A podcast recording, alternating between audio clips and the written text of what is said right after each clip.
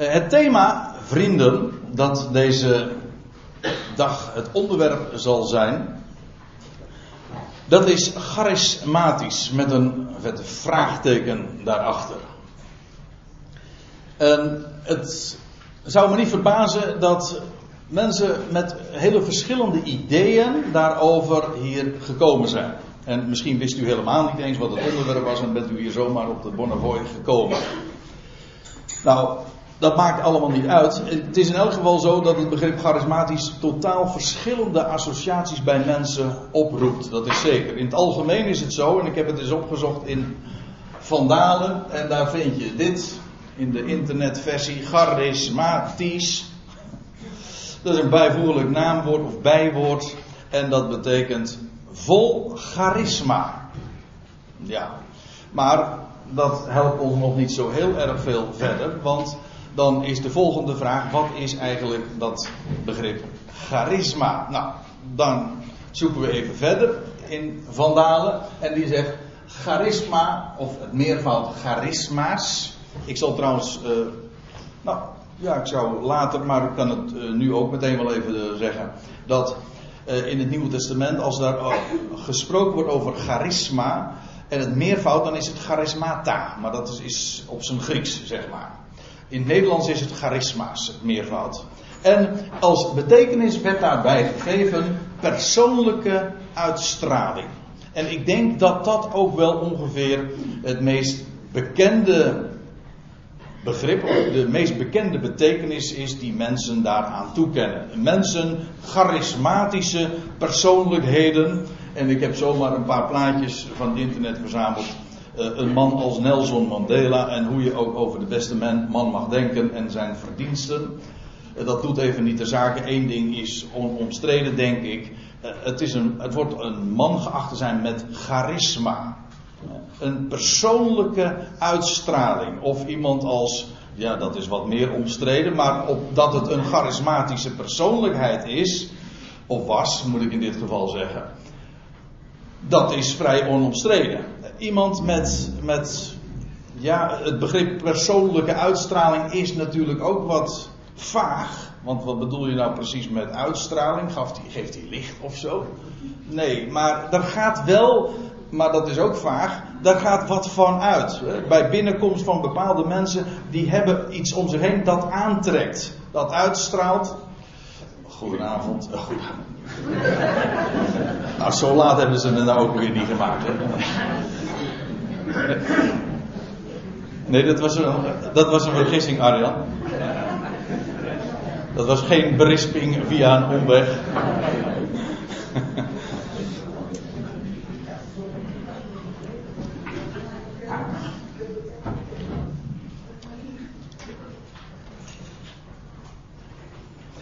Ik zei, het is een wat uh, vaag begrip, maar we begrijpen toch, ondanks uh, de wat vage definitie, je kunt daar natuurlijk wat preciezer op inzoomen, doen we niet. Nou, we doen het wel, maar dan via de enige weg die ons te, te gaan, die, die, we behoren te gaan op een Bijbelstudiedag, want dat is het.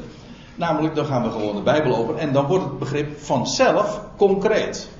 Maar nogmaals, in de gewone wereldlijke betekenis is het wat vaag. Een persoonlijke uitstraling. En ondanks die vaagheid begrijpen we toch wel wat daar uh, mee bedoeld wordt. En het wordt vooral ook verbonden met leidertypes. Die eh, leiders, politieke leiders of godsdienstige leiders. Of een, ik, ik had er nog een plaatje bij, een dame die ook al lang niet meer onder ons is. Corrie ten Boom was ook een charismatische persoonlijkheid. In dit geval misschien zelfs vrij dubbelzinnig, omdat ze ook nogal pinkster georiënteerd was. Maar dat bedoel ik nu even niet. Het was een vrouw met een enorme uitstraling, ja. Als zij ergens kwam, dan was ze er ook. Ja. Charisma, een persoonlijke uitstraling. Die betekenis is niet de directe betekenis waar we het vandaag mee uh, over zullen hebben. Hoewel, uiteindelijk komen we wel hierbij terecht. Waarom? Omdat de, de wereldse betekenis, dat wil zeggen de gewone gangbare betekenis die Van als eerste betekenis aangeeft, uiteindelijk ontleend is aan het Nieuwe Testament. Zonder Nieuwe Testament had het begrip charisma absoluut onbekend geweest. Er is nog iets waar we aan denken bij charisma. En ik denk zo dat wellicht de meeste mensen, christenen, daaraan denken als ze het hebben over charismatisch. Namelijk over de charismatische beweging. Nou, ik heb even, om het eh, goed nauwkeurig allemaal aan te geven, een citaat uh, van het internet geplukt van de internet-encyclopedie Wikipedia. En die zegt daar dit van. De charismatische beweging. De charismatische beweging is een beweging in het christendom.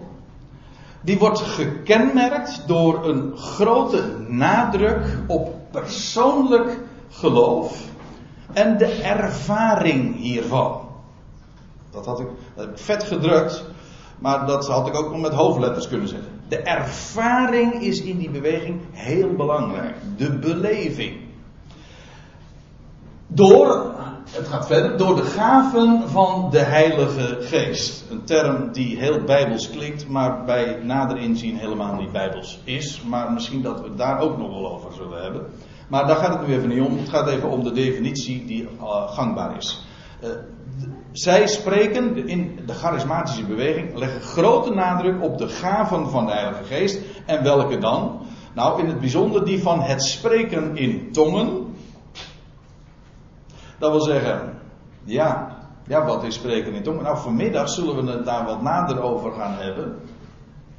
Maar dat is uh, over vage begrippen gesproken. Hè? Wat spreken in Nou, over het algemeen bedoelt men daarmee het spreken in een taal die je niet geleerd hebt. Meestal is dat een, men zegt dan een taal van de Heilige Geest. En, en uh, de gewone buitenstaande die van niks weet, die zegt het is een brabbeltaal. Maar die dan uh, zich de, ja, in een bepaald extatisch moment, die zich meester maakt van je. En, en dan ga je in ongecontroleerd in een taal spreken. Allerlei klanken. En men noemt het ook wel een klankentaal. Omdat het niet. Om, en ook binnen de beweging zelf. Noemt men het een klankentaal omdat het niet zozeer een. omdat het eigenlijk helemaal geen taal is. Er wordt niet gecommuniceerd. Er worden alleen maar klanken voortgebracht. Ja. Nou goed, dat is spreken in tongen. Uh, daar wordt grote nadruk binnen die charismatische beweging opgelegd. Uh, genezing door handoplegging. En het ontvangen van visioenen en openbaringen van God. En het is deze beweging die enorm heeft doorgezet. Zo, uh, is begonnen in, de begin, uh, in het begin van de 20ste eeuw. Maar de echte doorbraak kwam pas halverwege de 20ste eeuw. En met name dan in de jaren 60, 70 heeft ze enorm heeft een enorme uitbreiding meegemaakt en tegenwoordig is het wereldwijd een gigant binnen het christendom, een enorme krachtige beweging. Waarbij dus de ervaring heel belangrijk, extase, gevoel en de fenomenen van het spreken in tongen, wonderbaarlijke genezingen, visioenen, openbaringen van God krijgen, profetieën uitspreken. En er zijn tal van gemeentes. Alleen al een plaats als Soetermeer, waar we hier toevallig bij elkaar zijn. Uh, ik heb het niet eens nagegaan, maar ik weet zeker, er zijn tal van Pinkster of charismatische gemeenten hier te vinden. En dat is een, een tamelijk nieuw fenomeen, want voor de 20e eeuw bestond dat helemaal niet. Toen waren daar de grote kerkgemeenschappen als de Rooms-Katholiek en de protestantse denominaties. Maar een charismatische beweging was volstrekt onbekend. Een heel interessant fenomeen trouwens ook, als je het profetisch bekijkt. Wat is daar de gedachte aan? Dat die hele christelijke wereld daardoor is, of nou de hele christelijke wereld, in elk geval een groot gedeelte daardoor wordt meegevoerd. Een enorme populariteit. Oorspronkelijk, misschien is dat nog wel even interessant om dat aan te geven. Oorspronkelijk was het een Pinksterbeweging, een aparte groep. Maar toen heeft ze, toen ze ging doorbreken ook elders in de, binnen de christelijke wereld, binnen de bestaande kerkgenootschappen, toen ging dat de naam, uh, ja, toen kreeg dat de naam de charismatische beweging. Dus je hebt Pinkstergemeenten, maar de charismatische beweging is veel breder. Die heeft ook zelfs in de Rooms-Katholieke Kerk enorm terrein gewonnen. Zodat er ook Rooms-Katholieke charismatische christenen zijn. Tal van hen zelfs. Dus dat is de charismatische beweging. Daar denken we, denken christenen in, het eerste, in de eerste plaats misschien wel aan. Als ze het begrip charismatisch horen. En dat is ook niet voor niks. Want deze fenomenen, althans, ja, spreken in tongen, genezing, openbaring, visioenen, die komen ook ter sprake in de Korinthebrief. En daarover gaan we het vanmorgen ook nog hebben. Nou, deze studiedag wil ik inderdaad daar dus op inzoomen. Het begrip charisma in de Bijbel. Wat is het? Waar vinden we het? Hoe manifesteert het zich? Dat, is allemaal, dat zijn onderwerpen voor vanmorgen. En vanmiddag vanaf 1 uur hebben we nog een samenkomst. Dan zullen we het hebben over de tijdelijkheid, de voorlopigheid, het voorbijgaan van bepaalde charisma's. En dan zullen we de loep eens leggen op 1 Korinthe 13. Het zo vergeten hoofdstuk in dit verband altijd. Nou, dat wat uh, deze dag dan aangaat. Maar laat ik dan eerst eens gewoon doen wat ik zou moeten doen. Namelijk gewoon, wat is dat woord charisma nou eigenlijk? Nou, wat u hier ziet. dat is uh, het Grieks. Dat is Grieks en uh, zoals Paulus dit, als Paulus dit woord, woord optekende, dan schreef hij dit. Zelfs het lettertype klopt nog. Charisma. Dat woord charisma, daar zit dit woord in. charis. En charis, dat is het woord voor genade. En dat woord genade is weer afgeleid van een werkwoord en dat is gairo en dat betekent verheugen, verblijden. Met andere woorden, dat woord genade heeft de betekenis dat is alles wat blij maakt. U moet weten dat het woordje charis ook in de Griekse wereld waarin Paulus zich bevond, waarin het Nieuwe Testament geschreven is, het begrip charis, genade, een bekend begrip was. Bijvoorbeeld, uh, ja, en toen had het dus ook de betekenis van alles wat blij maakt, wat verheugt. Bijvoorbeeld een zonsondergang, hè, waar je blij van wordt, wat zo mooi is, waar je van onder de indruk bent, dat heet charis. Of een schilderij dat je ziet, of een muziekstuk, of een goede maaltijd, een, goed glas wijn. Dat is allemaal charis. Dat wat blij maakt, wat je verheugt, wat goed is.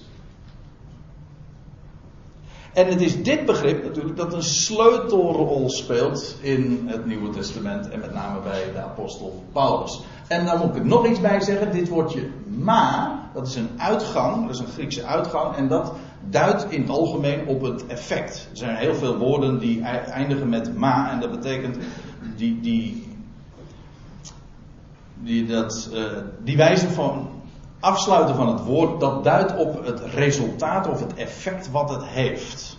Bijvoorbeeld pneuma, dat is een pneu, dat heeft met blazen te maken en pneuma, dat is het effect daarvan en dat heet dus geest.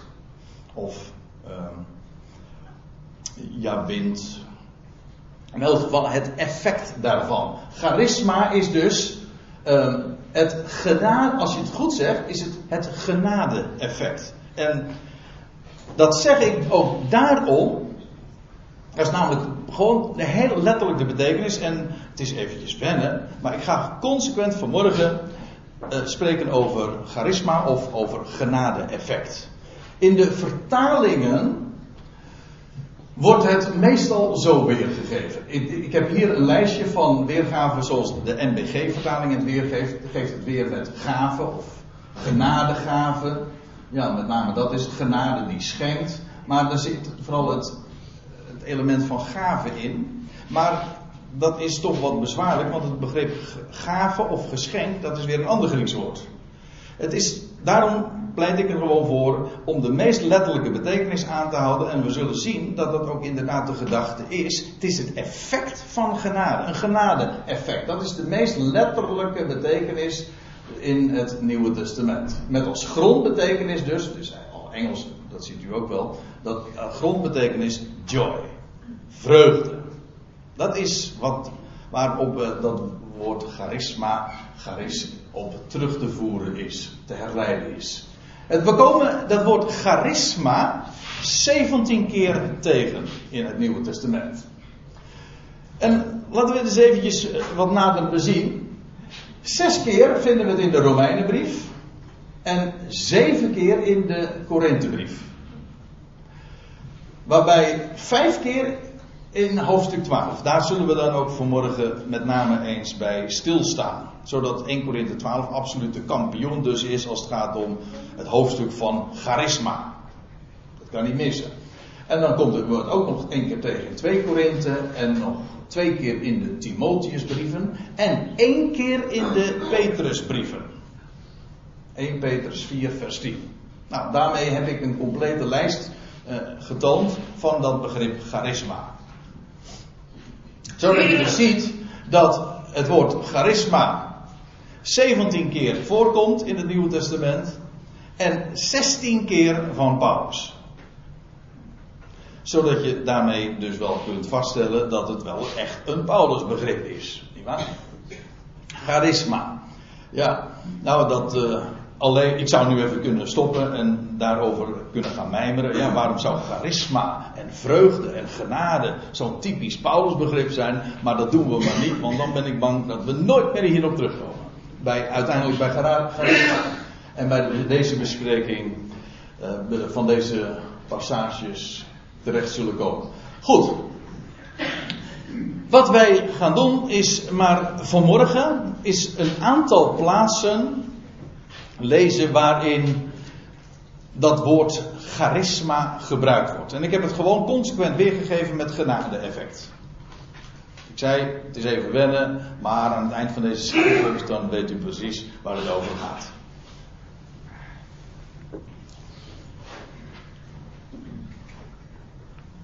En ik begin met een, een paar passages, een paar schriftgedeelten, waarin gesproken wordt ook over, dus over charisma, maar in een betekenis die voor ons misschien wat vreemd overkomt. Maar ik, ik wijs erop, omdat het namelijk wel ook precies al aangeeft wat het woord betekent. Romeinen 5, vers 15. Het is een wat uh, moeilijk, uh, nee, het is geen moeilijk gedeelte, maar het is een wat moeilijke zin. Paulus spreekt in Romeinen 5 over Adam en Christus. En dan zet hij twee tegenover elkaar. Adam, ons aller voorvader, heel de mensheid komt uit hem voort. En hij, door één overtreding, dat is ook Romeinen 5, door één overtreding werd heel de mensheid, heel, al zijn nakomelingen, zondaren en stervelingen. Nou, Romeinen 5 betoogt dan dat, zoals dat met Adam het geval is, dat wil zeggen, door Adam, door één overtreding werd heel de mensheid zondaar en sterveling, en zijn we, zitten we in het schip dus. Zo is het ook door één mens, namelijk de laatste Adam of de tweede mens, zo wordt hij genoemd, wordt de zonde opgeheven en worden alle mensen gerechtvaardigd en levend gemaakt. In feite is dat het evangelie in een notendop. Schitterend gedeelte. En de logica is zo onmiskenbaar. En zoveel ontgaat het. Of laat ik eigenlijk zeggen, bijna iedereen ontgaat het. En het is een van de waarheden, het is de essentie van het evangelie, namelijk dat het ongelimiteerd is voor iedereen. Ja, dat is de essentie, maar juist in, binnen de christelijke wereld wordt het niet gekend en wordt het zelfs tegengesproken. En de logica is zo simpel, namelijk als één mens er nu voor kon zorgen dat heel de wereld tot zondaar bestemd is en een sterveling is, hoe logisch is het dan ook dat wanneer God een andere mens zendt, namelijk de laatste Adam, Christus, dat door hem dat hele probleem ook weer opgeheven wordt. Dit heeft dus niets te maken met onze persoonlijke keuzes, maar het gaat er gewoon om dat door één mens is het ene gebeurd. Wel, zo zal ook door één mens, maar dat is allemaal de omgeving van Romeinen 5 waar dat betoogd wordt. Zo zal ook door één mens leven en rechtvaardiging een deel worden van iedereen. Als u mij vraagt, dit is juist het evangelie. En waarom? Ik, zei het in het gebed al eventjes. Je vertelt uh, aan, wie aan wie het ook maar horen wil. God houdt van jou. God is jouw redder. Hij is, hij is jouw schepper. Of je dat nou leuk vindt of niet. Hij is je schepper. Hij heeft jou bedacht. Hij houdt van jou. En dat is, staat compleet los van jouw houding of hoe jij daarover denkt. Dat is gewoon een waarheid. Het is een gegeven. Het is een mededeling. Zo is ook een mededeling en dat is een bericht, een heel goed bericht. God houdt van jou, Hij is jouw redder en of je het nou gelooft of niet, Hij brengt jou op je bestemming. Die Hij zich heeft voorgenomen.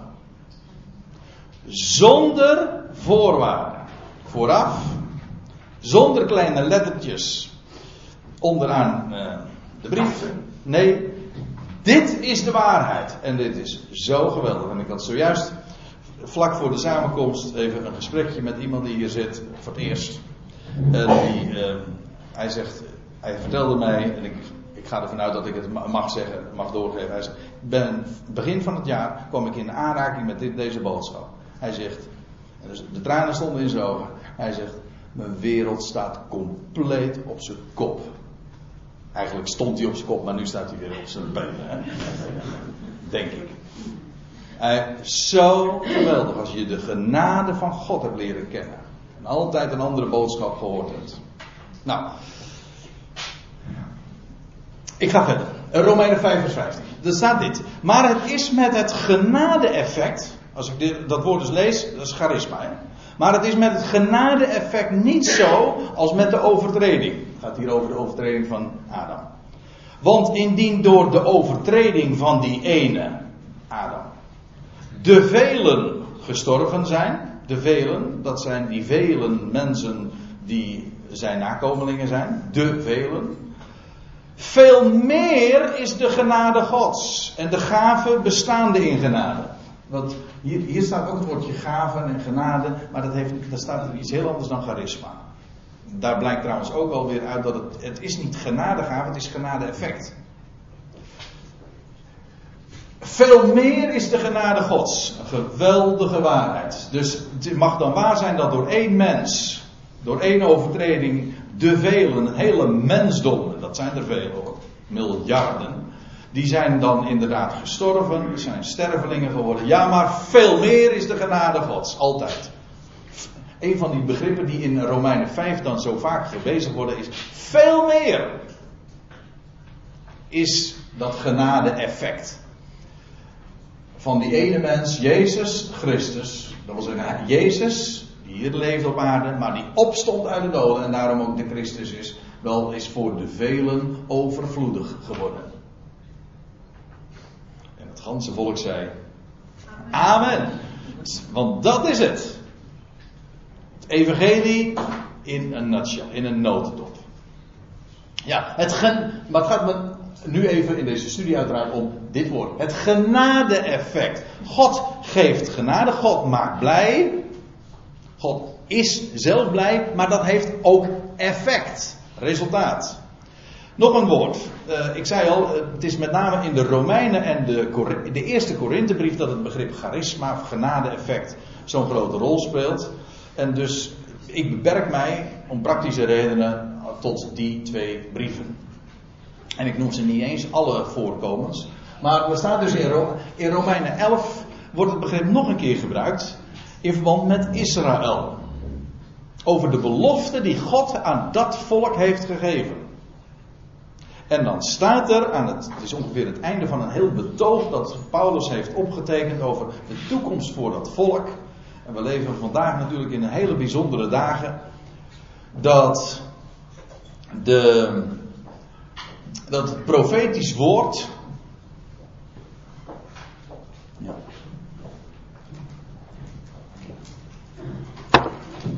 Op een bijzondere wijze ook waar wordt, namelijk dat we allerlei ontwikkelingen zien, met name sinds de, vor, sinds de vorige eeuw, dat alle stukken weer op het schaakbord gezet worden. En het Midden-Oosten is zoveel aan, het, aan de hand. Dat is omdat de tijd verstreken is bijna.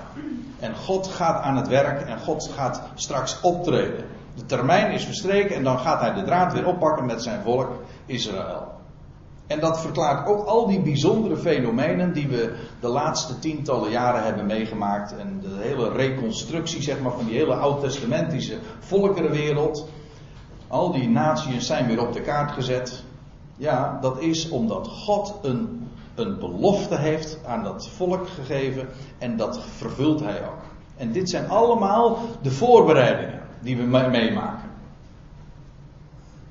En feitelijk, en, maar dat zeg ik eventjes om, u, om even in het achterhoofd te houden. Die charismatische beweging is ook zo'n fenomeen die alles te maken heeft met de eindtijd.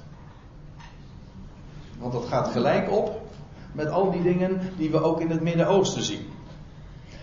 Terug naar de les, Romeinen 11. Uh, daar, de genade-effecten en de roeping Gods zijn onberouwelijk. Het gaat hier over de beloften en de zegeningen die God heeft gegeven aan zijn volk Israël. Er staat in Romeinen 9, vers 4. dat, dat, dat, zijn die genade-effecten. Zij zijn Israëlieten en dan staat erbij: Hunner is het zoonschap. En de heerlijkheid. En de verbonden. En de wetgeving. En de eredienst. En de belofte. Dat wil zeggen, dat komt allemaal toe aan dat volk. Let op, ook de verbonden. Niet alleen het oude verbond, ook het nieuwe verbond. Dat is eigenlijk voor hen. Ja. En dat is onberouwelijk. God heeft het gegeven. En dat is niet waar wat er alom gezegd wordt. En dat is traditioneel in de kerkgeschiedenis altijd verteld. Van ja, dat heeft God aan Israël gegeven. Maar dat is nu overgegaan op de kerk. Dat kun je wel vergeten. God heeft zijn belofte, zijn genade en de effecten van die genade niet teruggetrokken. Die zijn onberouwelijk. En als God iemand ergens toe roept, of een volk daartoe roept, dan vervult hij dat ook. En u zegt, ja, maar dat volk is nu ongelovig, ziet dat helemaal niet. Ja, en? Alsof God, of voor God ongeloof een obstakel is. God opent iemand de ogen. En hij roept. En al ben je een tegenstander, dan maakt hij van jou een vriend. Dan opent hij jou daarvoor de ogen. Zonder dwang, hè? Dat is mooi. Hij verandert je hart. En dan ga je ineens het licht zien. En als je het niet geloven dan zou je het aan de, aan de persoon moeten vragen die dit heeft opgetekend. Paulus was zelf zo iemand. Hij zocht de Heer niet. Hij, hij zocht de Messias niet. Integendeel. Hij werd geroepen. Hij werd bij zijn kraag genomen. En hij zag het licht met recht. En hij werd van een Saulus een Paulus. Geweldig. Dat is de genade van God. Als hij roept, dan is het onberouwelijk. Dan gaat dat door. Ook al gaat God dan weer wonderlijke wegen, maar u weet dat is eigen aan de wegen Gods. Die zijn niet na te gaan, niet na te trekken. We gaan nog naar een andere schriftplaats. Romeinen 12. Ja, dat is een belangrijke, want Romeinen 12 en 1 Korinthe 12, dat zijn de kampioenen. Als het gaat om de genadegaven, de genade-effecten. En om bij dat ene vers te komen waar ik wezen moet, wil ik eerst eventjes een, een paar versen in het voorafgaan ook lezen. Want Paulus uh, leidt dat ook in. Hij zegt dit in vers 4 van Romeinen 12. Want gelijk wij in één lichaam vele leden hebben, nou dat is heel simpel, een, de, vergelijking dus, één lichaam, vele leden, vele lidmaten, vele delen, leden is eigenlijk een anagram van delen, allerlei delen in het lichaam. En de leden niet allemaal dezelfde werkzaamheden, hebben, ook dat is nogal logisch. Zo zijn wij hoeveel velen één lichaam in Christus. Paulus schrijft dus aan de gelovigen daar in Rome. Hij zegt, ja, wij vormen één lichaam. Dat is een typisch Pauluswaarheid ook. Paulus maakt dat bekend, hè, dat Christus het hoofd is en de gelovigen zijn leden van dat lichaam. En tezamen vormen we één lichaam, één geheel. Eén lichaam in Christus, maar ieder afzonderlijk leden ten opzichte van elkaar. Dus aan de ene kant is de waarheid, we zijn als totaliteit, als collectief, één lichaam, er is één hoofd. En we hebben allemaal datzelfde leven van Hem in ons en dat, dat smeet ons ook bij, aan elkaar. Dat zegt, uh, maar dat is 1 Korinthe 12 dan weer. Dat zegt Paulus ook dat wij, wij die geloven hebben zijn woord, dat wil zeggen zijn geest ontvangen in ons hart. En door één geest zijn we tot in één lichaam gedoopt. En daardoor, dat is geen organisatie, dat is geen kerklidmaatschap, nee, dat is een organisme. Geloof in zijn woord maakt je tot een lid van dat lichaam. En weet je wat nou het mooie is? En dat is een aardige aanloop voor dat begrip charisma, genade. Een gelovige is iemand die de genade van God heeft leren kennen. En weet, Gods genade overwint alles. En is overweldigend. Hij maakt blij. Onvoorwaardelijk, want kijk, dat is belangrijk. Hè? Op het moment dat genade een voorwaarde heeft, is geen genade. Nou, als het verdiend kan worden, is geen genade. Zegt Paulus trouwens ook in Romeinen, dat, maar dat is Romeinen 11. Als het uit werk is, dan is genade geen genade meer. Romeinen 11 vers 6. Dat is heel belangrijk. Genade is genade omdat het puur om niet is. Gratis. Nou, als je dat hebt leren kennen, dan ben je een rijk mens. Dan ben dat is een gelovige. De genade Gods die in Christus openbaar is. Hij is de redder van deze wereld. Nou, dat, dat is een gelovige. Nou, wij zijn dan allemaal leden ten opzichte van elkaar. Hij stuurt dat ook. Dat vind ik ook zo mooi. Dat is geen mensenwerk. Hij regelt dat.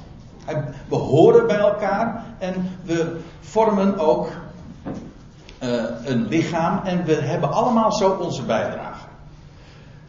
Vers 6. En nu komen we bij dat woord. Wij hebben nu genade-effecten. In de MBG-vertaling genadegaven. Maar staat dus charisma's. Wij hebben charisma's. dat vind ik nou mooi, want uh, ik zei al bij de inleiding.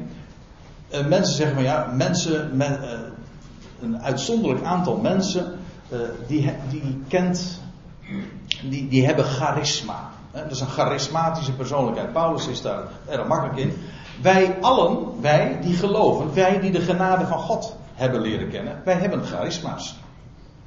Dus wij, als u een gelovige bent en u kent de genade van God, dan is het onmiskenbaar, dan hebben we charisma's. Dat wil zeggen, dan gaat, je leert de genade kennen en die genade gaat zijn uitwerking, zijn effect hebben. Nou, wij hebben nu genade-effecten onderscheiden naar de genade die ons gegeven is. Kijk, in ieder heeft het weer een andere uitwerking. Kijk, het idee bij het woord, bij de vertaling genadegave is van, nou ja, de, de Heer geeft aan, aan jou dit cadeau en aan, aan de ander dat cadeau. En aan weer een ander dat cadeau. Maar dat is niet het idee bij charisma. Het idee bij charisma is, we kennen de genade van God. Allemaal diezelfde genade van God. Maar in jou, of in mij, of in jou heeft het een andere resultaat, een ander effect dan weer in jou of weer een ander. Omdat we gewoon verschillend zijn. Laat ik, het zo, laat ik nog een voorbeeld geven. Paulus geeft hier het, eh, het beeld van het lichaam. Ik bedoel, in, in elk lid, of in mijn hand of in mijn voet, eh, of in mijn hoofd, of in mijn neus. Of, ik bedoel, al die delen, al die leden, die, die maken deel uit van dat ene van mijn lichaam. Maar in dat, ja, doordat het allemaal deel uitmaakt van één geheel, is dat diezelfde levenskracht uh, werkzaam in, in mijn lichaam, in al die delen. Maar mijn hand handelt, mijn voet wandelt hè, en mijn, mijn neus ruik ik. Waarom? Omdat die delen nu eenmaal verschillend zijn. Ze hebben een verschillende functie, een verschillende. Ja, ze zijn verschillend gebouwd ook. En dat geldt voor ons ook. We zijn allemaal verschillend. Qua achtergrond, qua interesses, Qua capaciteiten ook. Nou, maar als de genade nou gaat werken, zijn effect gaat sorteren. Ja, dan betekent dat dus dat, dat jouw charisma een andere is dan van mij. Maar als ik die genade leer kennen, dan is het effect altijd daar. Die kan trouwens groter en kleiner worden. Ik kan nog een voorbeeld geven. Kijk, uh, als ik, je, je, je hebt verschillende blaasinstrumenten. Je hebt een trompet, je hebt een saxofoon, je hebt een fluit. Uh, zetten er een aantal naast elkaar. Het valt trouwens nog niet eens mee om uh, uit al die instrumenten zomaar een geluid te produceren. Maar het idee is, je blaast er lucht in. En een trompet geeft toch echt een ander geluid dan een saxofoon of een fluit. Maar het is allemaal dezelfde lucht die je in die, in, in die instrumenten blaast. Maar het effect is verschillend. Waarom? Ja, een trompet is nu helemaal geen fluit en een fluit is geen saxofoon. Het effect is dus iedere keer verschillend. Het is dezelfde genade, maar het effect is iedere keer verschillend. Dat is, dat is charisma. Daarom is de een, een, heeft, de ander een, heeft de een een ander charisma. En eigenlijk is het aantal charisma's waarschijnlijk, hoewel je ze kunt rubriceren en in, in dat doet Paulus trouwens ook in Romeinen 12 en 1 Korinthe 12. Maar uiteindelijk, als je het helemaal op de keper beschouwt, is het helemaal uitvergroot dan is het aantal charisma's zo groot als het aantal mensen. Wie het ten deel valt. Want in de, ieder is de uitwerking, het effect van die genade weer anders. Onderscheiden naar de genade die ons gegeven is. Profetie staat er naar de maat van het geloof. Ik zal trouwens daar vanmiddag nog op terugkomen over die profetie, want dat is een van die tijdelijke charisma's. Een, godspraak. Ja, maar als God alles gezegd heeft, dan houdt die profetie op. En nou loop ik vooruit op wat ik vanmiddag ga betogen, maar dat is echt aan de orde. Wie dient in het dienen. Wie onderwijst in het onderwijzen. Wie aanmoedigt, ja, in de, of in de MBG-vertaling staat wie vermaant. Maar dat is niet wat het is. Het is, het is aanmoedigen. Het is ernaast roepen. Parakaleo. Het is niet dit. Het is aanmoedigen. In het aanmoedigen. Wie mededeelt in eenvoud.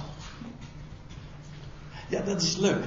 We hebben toch even bij. Kijk, als genade nou gaat werken. Je bent blij om wie God is. Je hebt de genade van God leren kennen. Het evenredig. En je zegt daar amen op. Nou, dat is wat geloof is.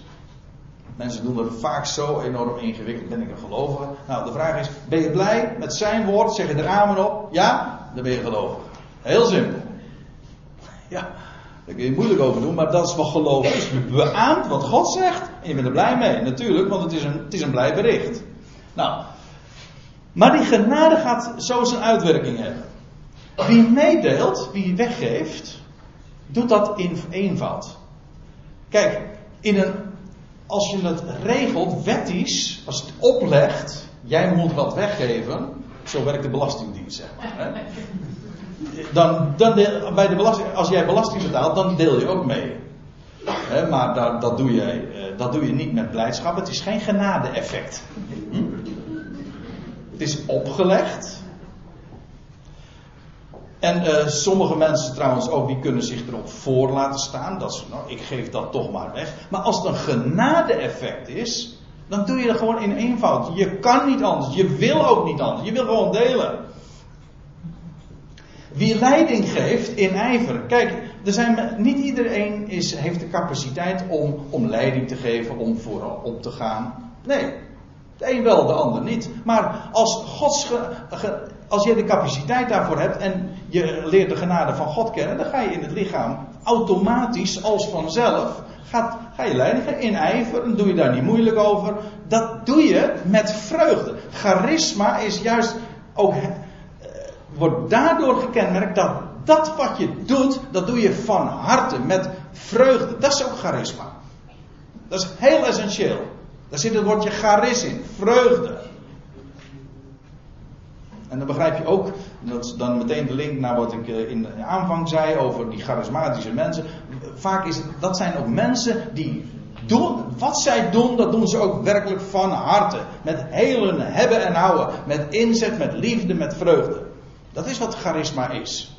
Waarbij het in dit, in dit verband van Paulus, daar gaat het vooral over, uiteraard over het kennen van de genade van God. En de uitwerking die dat heeft bij de een en de ander. Wie barmhartigheid bewijst, die doet dat in vrolijkheid. Als u een NBG-vertaling hebt, staat er in, in blijmoedigheid. Dat klopt. Maar dat is ook zoiets, barmhartigheid bewijzen. Je kunt iemand helpen, uh, barmhartigheid bewijzen. Dat kan je, uh, als je dat doet omdat dat moet, uit, uit verplichting, dan doe je dat niet in, in, uit, in vrolijkheid. Integendeel, je wordt juist omdat je zo begaan bent met de ellende van andere mensen, kun je daarin meegetrokken worden. En daar word je niet vrolijk van. Maar iemand die, die de, bepaald type mensen, die barmhartigheid bewijst en dat doet vanuit charisma, als, als charisma, ja, die doet dat juist in vrolijkheid. Hij kan niet anders. Hij wil ook niet anders. Het is trouwens ook leuk. Ik zei, uh, de MBG-vertaling zegt blijmoedigheid. Maar blijmoedigheid is net een ander woord. Er staat in het, Grieks het woordje. Een woord dat wij kennen als hilarisch. En ik zie mijn zoon daarachterin uh, glimlachen. Maar dat is een onder ons, ja. Eigenlijk, het woord hilarisch komt ook uit het Grieks. In, gewoon met, dat is dus vrolijk. Barmhartigheid bewijzen in vrolijkheid. Nou, dat is de, met name die laatste drie die hier zo beschreven worden, de wijze waarop het gebeurt, dat is ook heel karakteristiek voor charisma. Als de genade gaat, gaat werken en zo zijn effect sorteert. Ik ga naar 1 Korinthe. Daar lezen we 1 Korinthe 1. Ik zei al, de eerste Korinthebrief, daar komt het begrip zeven keer voor. En ik wil een paar daarvan wil ik even voor het voetlicht brengen. 1 Korinthe 1, vers 4, daar lezen we dit. Ik dank God, schrijft Paulus in de aanhef van die brief, ten alle tijden over u vanwege de genade Gods die u in Christus Jezus geschonken is. Want in elk opzicht zijt gij rijk geworden in hem, in alle woord en alle kennis. Gelijk het getuigenis aangaande Christus onder u bevestigd is. Zodat gij, nou komt het, ten aanzien van geen enkel genade-effect tekort komt. Dat wil zeggen, de genade heeft een veelheid aan effecten bij jullie uh, bewerkstelligd. Jullie komen in niets tekort daarin. Terwijl je uitziet naar de openbaring van onze Heer Jezus Christus. Genade-effect. En daar in Korinthe, er was veel aan de hand, er waren ook veel misverstanden, veel onkunde. En die hoofdstukken waar Paulus, uh, waar ik straks naartoe ga, 1 Korinthe 12, 13, 14, die zijn opgetekend juist omdat Paulus die, aan die onkunde een einde wilde maken. Ik wil u niet langer onkundig laten, zegt hij dan. En daarom schrijft hij die dingen. En daar ben ik hem zo dankbaar voor. Want daar kunnen, dat geeft dat we, als we dit onderwerp ter sprake brengen, waar zoveel over te doen is, dan kunnen we dat nuchter doen en we kunnen gewoon de dingen vaststellen. Waarom? Omdat dat 2000 jaar geleden al op papier is gezet. Het is zwart op wit. Het, is, leidt geen enkele twijfel. Het is duidelijk. Ja, ik weet, voor sommige mensen klinkt dat heel arrogant. Vooral, vooral mensen, dat is heel, ja, toch wel eigenaardig. Juist wanneer je erg op gevoel, op ervaring gespitst bent, extase, je wil, je wil niet alleen maar weten, je wil voelen. Maar dat is zo gevaarlijk. Want dat betekent dat je dikwijls je oren dicht komen te zitten voor, voor dat wat gesproken is. En dan ontgaan je zulke geweldige waarheden. En juist door die gewaarheden te leren kennen, krijg je grond onder de voeten, weet je hoe het zit. En dan kun je inderdaad niet arrogant neerkijken op anderen, maar je weet hoe het zit. Wij weten mensen. Niet omdat wij arrogant zijn, maar gewoon omdat we zeggen, er staat geschreven. Goed. Ik ga nog even verder. 1 Korinthe 7, dus gebruikt het woord Paulus, uh, daar gebruikt Paulus ook het woord charisma. Hij zegt dan, ik zou wel willen dat alle mensen waren zoals ik zelf. Nou, dat over arrogantie gesproken. Zo komt dat in elk geval over, maar dan moet je het even in zijn verband lezen, uiteraard. Paulus gaat het, heeft het erover dat hij uh, zelf vrijgezel is, celibatair leefde. En hij zegt: Ik zou wel willen dat jullie dat allemaal hadden. Ja, dat is een onderwerp op zich. Daar gaan we het nu dus niet over hebben. Maar voor Paulus was het ook helemaal geen enkel punt. Integendeel, hij deed dat met vreugde zo. Hij was, daar, vandaar, hij was er blij om en daarom zegt ik wou dat iedereen het zo had. Want hij ziet, hij zag hoeveel problemen ook toch uh, het, de, de, relatie tussen man en vrouw en in het huwelijk op kan leveren. Hm? En daarom zegt hij dit. Goed, daar gaan we het nu verder niet over hebben. Doch, zegt hij, iedereen heeft van God zijn bijzondere genade-effect. De een deze, de ander die. Met andere woorden, dat Paulus celibatair heeft, dat is een genade-effect. En dat, en dat bracht hem er ook toe te zeggen, ik wou dat iedereen het zo had. Dat is gewoon zijn persoonlijke beleving dus ook. Een genade-effect. Dat is dus niet om. Dat is, dat is leuk. Het is dus niet het verplichte celibaat, zoals uh, grote kerkgemeenschappen dat hebben, nou vooral de Rooms-Katholieke Kerk. Het verplichte celibaat, dan, dan, wordt, dan wordt het je opgelegd. Nee, voor Paulus was het niet een verplichting. Hij had de genade van God leren kennen. En een van de voorrechten voor hem was dat hij dus ook uh, geen behoefte had aan een partner. Een levenspartner. Een, echtgenoot in zijn geval. Een genade-effect was dat. Goed, nou gaan we naar 1 Corinthië 12, want er wordt hoog tijd om daar nu even aandacht aan te geven.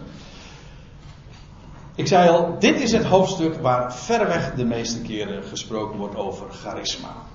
En een paar versen die daarin, uh, waarin dat woord dus gebezigd wordt, wil ik er even uitlichten. Het loopt min of meer parallel met Romeinen 12. 1 Korinthe 12, Romeinen 12. In beide gevallen wordt er gesproken over genade-effecten in het lichaam. Hoewel in Romeinen 12 de, het accent ligt op, op de, de genade-effecten in het helpen, in het, eh, in het leiding geven, in onderwijs geven, etc. Barmhartigheid bewijzen.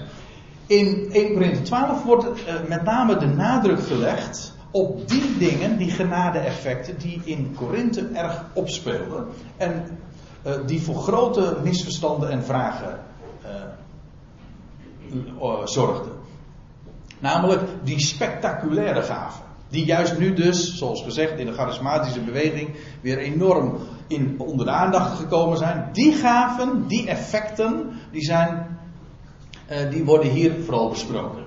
Er is een verscheidenheid, zegt Paulus, in genade-effecten. Maar hij zegt, het is dezelfde geest. Want, eh, nu ga ik naar vers 8. Ik sla dus een aantal versen over. U bent gewaarschuwd. Er staan dus nog een heel aantal versen tussen. Maar daar kunnen we allemaal niet uh, op ingaan. Want, zegt Paulus in vers 8. Aan de een wordt door de geest gegeven een woord van wijsheid. Aan, en aan de ander een woord van kennis naar dezelfde geest. Ik moet er trouwens bij zeggen. Hier gaat het ook. Blijkens het verband. Maar daar gaan we het vanmiddag ook nog over hebben. Dat toen in die dagen, de schriften waren nog niet compleet, er ter plekke aan mensen ook een woord gegeven werd. Door openbaring. Een woord van wijsheid. Of een woord van kennis. Dat was iets wat onbekend was en het werd aan iemand geopenbaard. Maar u begrijpt wel, dat zo werkte de geest, maar er was ook heel veel kaf onder het koren. Heel veel nep. Dat is vandaag ook zo. Maar met dat verschil, toen was het nog een legitieme uh, gebeuren. Want de schriften waren nog niet compleet. Er was al veel nep. Ook toen. Want daarover, juist dat is de aanleiding dat Paulus daarover schrijft. Maar met dat verschil, nu zijn de schriften compleet, nu is het allemaal ja, echt waar. Als, als iemand claimt. Ik loop nu even voor de muziek uit, want ik moet dat nog aantonen vanuit uh, 1 Korinthe 13. Maar woorden van kennis. Als iemand zegt, de Heer heeft mij geopenbaard en jij hebt maar te luisteren. Dat kun je gewoon, neerleggen, dat is onzin. Want alles wat geopenbaard, wat God openbaar had, heeft hij geopenbaard. Staat zwart op wit in de schriften. Dat is, daarom zijn we ook gewoon, zo noemt Paulus dat, volwassen. In die fase zijn we al lang en breed beland. Ja. Aan vers 9, aan iemand anders, een heteros, dus, nou, ik ga daar nu verder niet op in, maar aan een heel ander, eigenlijk gaat het hier over een heel ander type, uh, wordt weer een speciaal vorm van geloof gegeven, in dezelfde geest, en aan een ander genade-effecten van genezingen, in die ene geest. Hé, hey, dat is ook wel eigenaardig. Gena hier worden genezingen genade-effecten genoemd. Ik weet wel, ook dit is. Dit wordt uh, meestal opgevat als een gave om iemand krijgt een gave en is een genezer. Of een gebedsgenezer. Hij heeft een speciaal genade, genadegave van uh, genezing ontvangen. Ik zou zo een heel aantal namen kunnen noemen van mensen die dat claimen. Heeft hier niets mee te maken. Hier wordt gesproken over een genade-effect van genezing. Dat is heel logisch.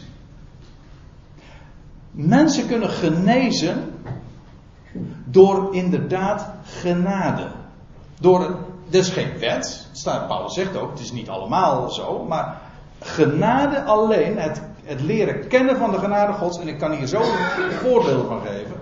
Voor mensen die de genade van God leren kennen, allerlei aandoeningen hadden en doordat ze de genade leren kennen, vreugde in hun leven leren kennen, werkelijk een goed bericht en dat alle kwalen, al die kwalen waar ze mee te maken hadden, dat ze verdwenen.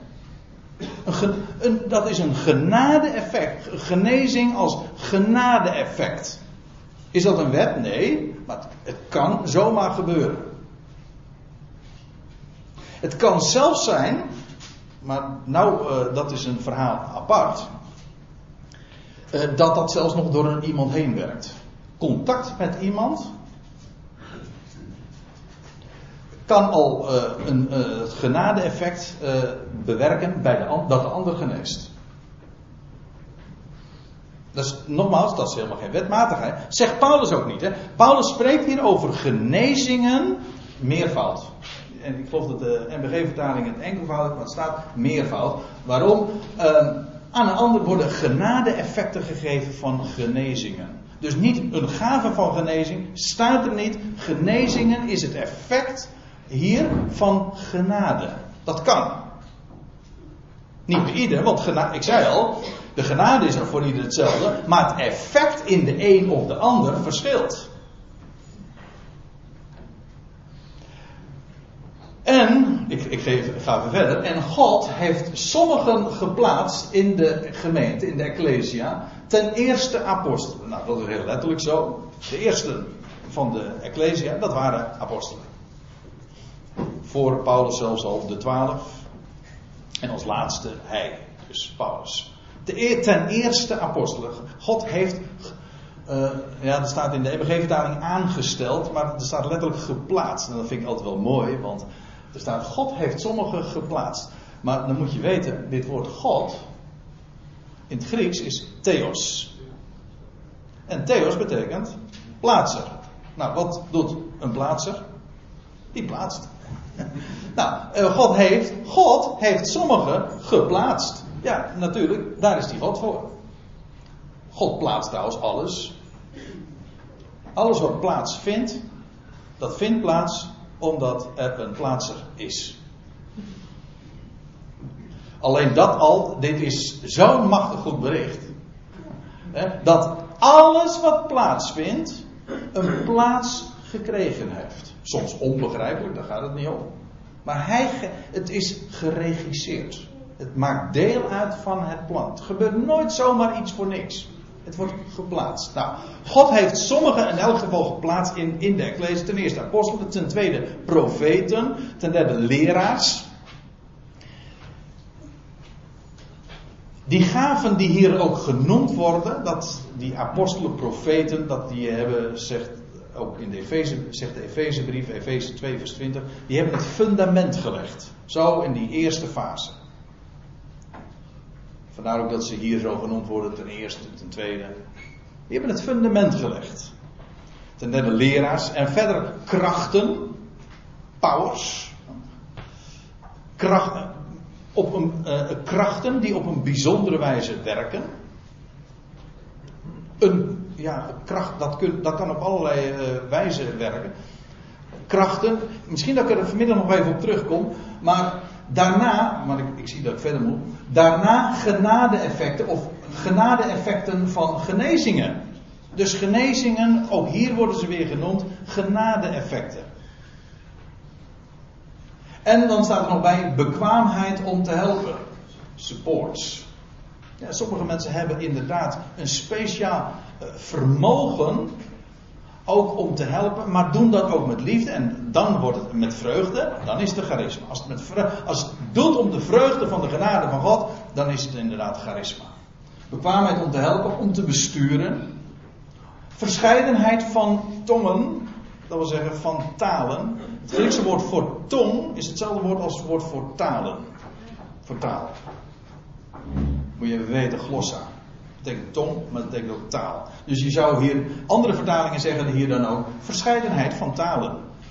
Het gaat hier uh, over het feit dat uh, God op een wonderbaarlijke wijze soms een, iemand het vermogen geeft om een taal te spreken die hij niet eens geleerd had. Denk aan de Pinksterdag, hè, dat mensen zomaar uh, als een wonderlijke manifestatie ieder de, hoorden spreken over de grote daden van God, ieder in zijn eigen taal. Nou, dat was een verscheidenheid vertaald die de spreker zelf niet eens kende. En vandaar ook dat er gesproken wordt over, ja, dat het als, als zoiets dan gebeurt toen, in die dagen in de Ecclesia, nou, dan was er wel een vertaler nodig, anders begreep niemand het. Dan ga je, stel je voor dat ik nu hier in het Chinees hier ga praten. Nou, kan ik gaan doen, maar ik ben bang dat maar heel weinig mensen dat zullen begrijpen. Dus wat is er dan nodig voor begrip, voor de communicatie? Een vertaler. Nou, dat is, maar ook, niet, ook dat kan niet iedereen. Goed. En ze vraagt Paulus: hebben soms alle genade, genade-effecten van genezingen? Ik zei al, dat is geen wetmatigheid, die genezing. Nee, het kan wel. Het is een, is een prachtig onderwerp. Misschien dat ik er nog eens een keertje apart uh, op, op, uh, op inga. Over dat effect, gezondheid, genade. Over, dat, uh, over het genade-effect. Spreken soms allen in tongen? Ja, zeggen menig christenen vandaag, dat is wel de bedoeling. Nee, dat is maar een effect. Ton, in die dagen inmiddels zijn ze al lang en breed verstopt. Ja. En uh, vertolken zij soms allen? Nee, ook niet allen. Dat niet iedereen heeft dat uh, in zijn mars, zeg maar. En dan, dit is het uh, laatste vers waar ik op wil wijzen. Dat is ook de laatste keer in 1 Korinthe dat het genoemd wordt. Streef dan, zegt Paulus, naar de hoogste gave. Ik zeg er even bij, dit vers, 12 vers 31, is het laatste vers van hoofdstuk 12 en dus de inleiding op hoofdstuk 13. Daar gaan we het vanmiddag over hebben. Want in 1 Korinthe 13 gaat Paulus een veel hogere weg voeren, uh, tonen. Een weg waarin hij spreekt, die zo hoog voert, waarvan hij zegt, uh, want wat, wat, krijg je als je op een hoogte gevoerd wordt? Dan ga je overzicht krijgen. Dan zie je perspectief. Dan ga je de dingen, uh, ga je ook uitzicht krijgen. Nou, Paulus gaat in 1 Korinthe 13, plaatst hij ons op een hoogte en dan gaan we, gaat hij, laat hij zien hoe bepaalde charisma's, bepaalde genade-effecten, spreken in tongen, profetieën, openbaringen, kennis, openbaringen van kennis, die zouden gaan verdwijnen. Maar, zegt hij, hij spreekt ook over dat wat zou gaan blijven. Over al die dingen. Nou, die weg en over de liefde van God, daarover zou hij gaan spreken. Ik wijs u een weg die overtreffender is. Maar hij zegt nog, streef dan naar de hoogste genadegaven. Naar de hoogste gaven, zegt, zegt de NBG-vertaling. Weet u wat er letterlijk dit staat? Dit.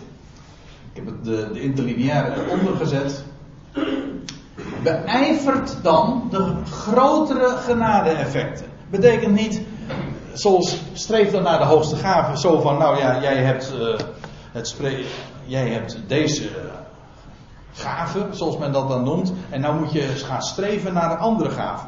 Nee, wat Paulus juist had betoogd, is je kennen de genade van God. En de een werkt het zus en bij de ander werkt het zo. Hoezo streven naar, de ander, naar, naar wat een ander heeft of wat groter is? En wat is dan groter?